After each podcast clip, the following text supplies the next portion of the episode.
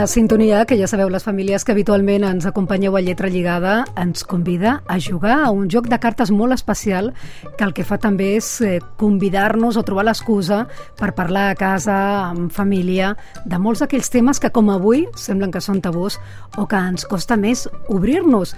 I habitualment deixem que l'atzar ens guiï i que sigui ell qui triï la carta. Eh? Fem, faig de mà innocent, que no sé si això funciona molt, però faig de mà innocent triant la carta. Però en aquesta ocasió el Joseph Harrenberg i l'Elisenda Pallàs han vingut ja amb la carta triada de casa. Bona tarda, què tal? Benvinguts. Hola, bona tarda. Bona tarda. Quina carta ens heu portat? Doncs hem portat la carta de l'arc. I hem portat de la carta de l'arc perquè parla de resistir la tensió, de l'entorn, parla d'enamorar-se, de l'amor, eh, i perquè és una altra de les maneres de jugar al, al joc de l'ara, que és triant un tema eh, doncs, ja preparar-te'l una mica, no? perquè hi ha temes que són molt seriosos com aquest que es parla avui aquí i que val la pena tenir-lo preparat. Això està bé de vegades, no? perquè de la mateixa manera que jo dic que està bé donar algun llibre, no? quan no saps com parlar, deixar-lo caure no? a, a les mans dels nostres fills i filles, doncs també de dir cada, no sé, un cop a la setmana jugarem al joc de l'ara mm. i cadascú cada setmana triarà una carta, no? I el dia que nosaltres ens preparem, com deia l'Elisenda, aquest tema, doncs a dir, escolta, amb l'excusa de l'arc vaig a treure ¿no? diverses qüestions que potser em costarien d'una altra manera. Sí, la, la, las cartas en realidad no tienen muchos temas relacionados y claro, el tema de, de que hablamos hoy, ¿no? El amor y quizás también la sexualidad, bueno, son, son temas que difícilmente lo hablas con tus hijos así nomás, ¿no? Y igualmente a ellos tam, tam, también les cuesta. Y al tener esta carta, ¿no? Por ejemplo, la pregunta ¿qué sientes cuando estás enamorado? ¿No? De, alguien, de algo o de alguien, ¿no? Y, y te conecta con tu cuerpo, porque el enamorarse puedes sentir en el cuerpo, ¿no? es agradable, pero también en tu cuerpo. Quizás sientes mariposas, sientes tensión, ¿no? En Sobretot la primera vegada que no saps, no? Exacto. Què és això d'enamorar-se, Què no? és això? Sí. Perquè quan passa aquella persona sent tu aquelles papallones a la panxa, no? Aquell neguit, o la suors, o em posa de cop i volta molt nerviosa, no? Mm. Y así... Eh, el, el, juego, que uno de los objetivos es pues eso, conectar con esta conciencia corporal, ¿no? ¿Qué dice mi cuerpo y qué hago con esto, ¿no? Y en enamorarse, pues da señales claros, ¿no? Oye, mi cuerpo está pasando algo. És una manera, Elisenda, també com de definir l'amor, perquè quan diuen què és l'amor, uau, no? Si el teu fill o la teva filla et fa aquesta pregunta és com, i ara com ho explico, no? De fet, no hi ha una definició única de l'amor. S'ha intentat definir moltes vegades i s'han arribat a definir més concretament tipus d'amor. Però què és l'amor? Jo crec que la majoria de les éssers humans l'hem sentit alguna vegada. No? I, i pots pensar, potser com a mare jo les, el sento encara ara que el meu fill és gran, que té 22 anys quan el veig adormit, que el veig que està abandonat, no? allà al son i veig aquella cara de, de pau i, i, i, i crec que no cal que, que el definim perquè és una cosa molt intensa que pots sentir no? davant sí. d'un paisatge, davant d'un record eh, aleshores eh, sí que és veritat que aquest amor que pots sentir eh, que potser és diferent de l'enamorament, no? que és molt intens, no, no sé com és per vosaltres, però en aquests moments jo el que sento és com una gran apertura al pit, automàticament ve un somriure, una relaxació, una respiració profunda, mm. i aquesta consciència corporal em fa de donar-me que és un moment especial. Mira, a mi em passa també això quan dius tu, no? de quan veus el teu fill plàcidament adormit, és veritat que hi ha com una mena de plenitud, no? Et, et sents com, com molt bé i, i em passa també quan, a mi que m'agraden molt les criatures molt petitones, quan veus un bebè, no? un bebè molt sí. petit i de seguida et surt aquest somriure natural al veure'n i és que com, com que t'omples, ara queda així com potser una mica nyonyo dir-ho, no? però com que t'omples d'amor, no? Sí. I és, I és una altra manera, que a vegades l'amor el lliguem molt, com deia abans el Jost, a, a, a la part més sexual, no? I, i, a, i aquesta cosa del, del, del cos que es va transformant, però clar, l'amor no és només enamorar-se. Exacto, y, y, el amor también se puede cultivar, ¿no?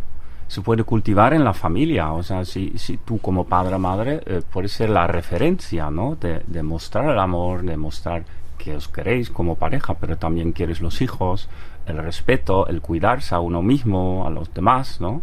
Entonces, la comunicación, la cercanía.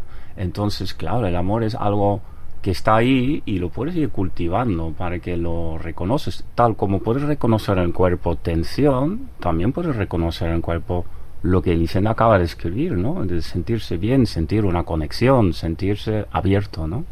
Clar, amb l'Anna Sàlvia parlàvem de la importància de lligar el fer l'amor, no? o l'acte sexual, que, que, que no és només l'acte en si mateix, sinó són aquestes braçades, aquestes carícies, a les emocions. I això Mm. el porno no ens ho dona. Mm. No? De fet, el porno sí que dona emocions, produeix emocions, però Tens no raó. són aquestes. No són aquestes, sí. I per això... Més és una potser- excitació, no? És potser l'emoció que sentim. No sé si la podríem definir com a emoció, l'excitació. L'excitació podríem dir-ne, no? Eh, també jo recordo quan anava al, als, pati, als parcs amb el meu fill, no? fins que ja era bastant eh, gran, perquè els pares també, el típic, no? fas colla i aprofites. Sí. I recordo, fins havent entrat una edat, 8-9 anys, que si una parella es feia un petó i el seu fill estava a prop, deia, ah, quin fàstic. O sigui, jo em puc imaginar que Sí. veure per primera vegada porno pot fer por, pot fer fàstic, pot generar confusió. I aquestes senyals en el cos són ben diferents que les de l'amor o les de l'equilibri, no? El, el sentir que estàs bé, i, i potser quan hem dit la carta de l'amor, bueno, i això què, què, què té a veure no? el tema d'avui, no? Perquè sembla que sigui un, un potser una mica fer volar coloms, no? Ja. O una mica nyonyo, com deies abans. Però si tu saps en el teu cos què se sent quan se sent amor, quan estàs bé, quan et sents segur, quan et sents respectat, és més possible que quan estiguis veient alguna cosa que et fa sentir que et violenta, que, que, que, que et confon, que puguis dir, uah, això no és per mi. Mm. Perquè et sents malament. Corporalment el teu cos t'està avisant.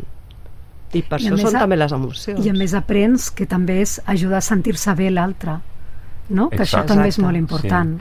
El- el- al final el resumen sería porno no es amor, ¿no? Entonces la pregunta es ¿qué sí es el amor, ¿no? Y lo acabamos de descubrir, ¿no? Hay, hay conexión, hay apertura, hay, hay un sentirse bien, ¿no? Mm.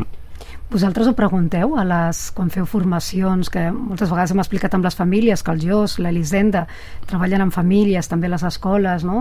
teniu contacte amb infants, amb adolescents, i els hi pregunteu per aquestes primeres sensacions que recorden haver tingut al cos, que us responen habitualment? Normalment a les sessions amb nens i joves no hi surt mai el tema de la sexualitat. Mm. I mireu que de debò que expliquen coses sobre les seves pors, les seves angúnies, les seves preocupacions, coses que tenen molt fondes que a vegades no les han parlat amb ningú. Però la sexualitat és tan tabú que no s'imaginen parlant amb ningú adult espontàniament de sexualitat. Ja. I això és la nostra responsabilitat.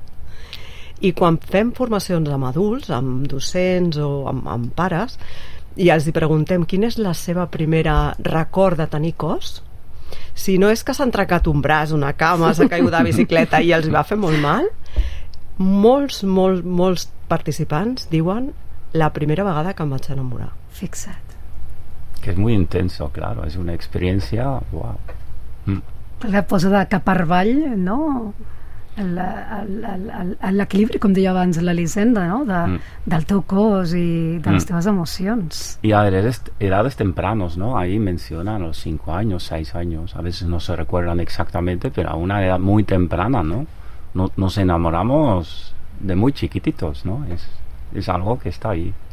Doncs ja veieu, famílies, la importància que té, ho hem anat repetint al llarg del programa d'avui, poder comunicar-nos bé amb els nostres infants de totes aquelles qüestions que al final afectaran la seva vida i, i l'afectivitat, amar, la sexualitat, és molt important també que la puguin veure perquè els pares i les mares són mirall del que significa tot això que nosaltres li posem les paraules, al final també és molt important els gestos i també poder compartir això, com ens sentim i aquesta carta que avui han utilitzat els nostres col·laboradors per parlar-nos aquesta carta de l'arc, que ja veieu que porta més enllà no? del que al principi pot significar això, una carta que sembla completament inocua i al final no? pot ser una explosió de temes que de vegades costen molt de posar sobre la taula.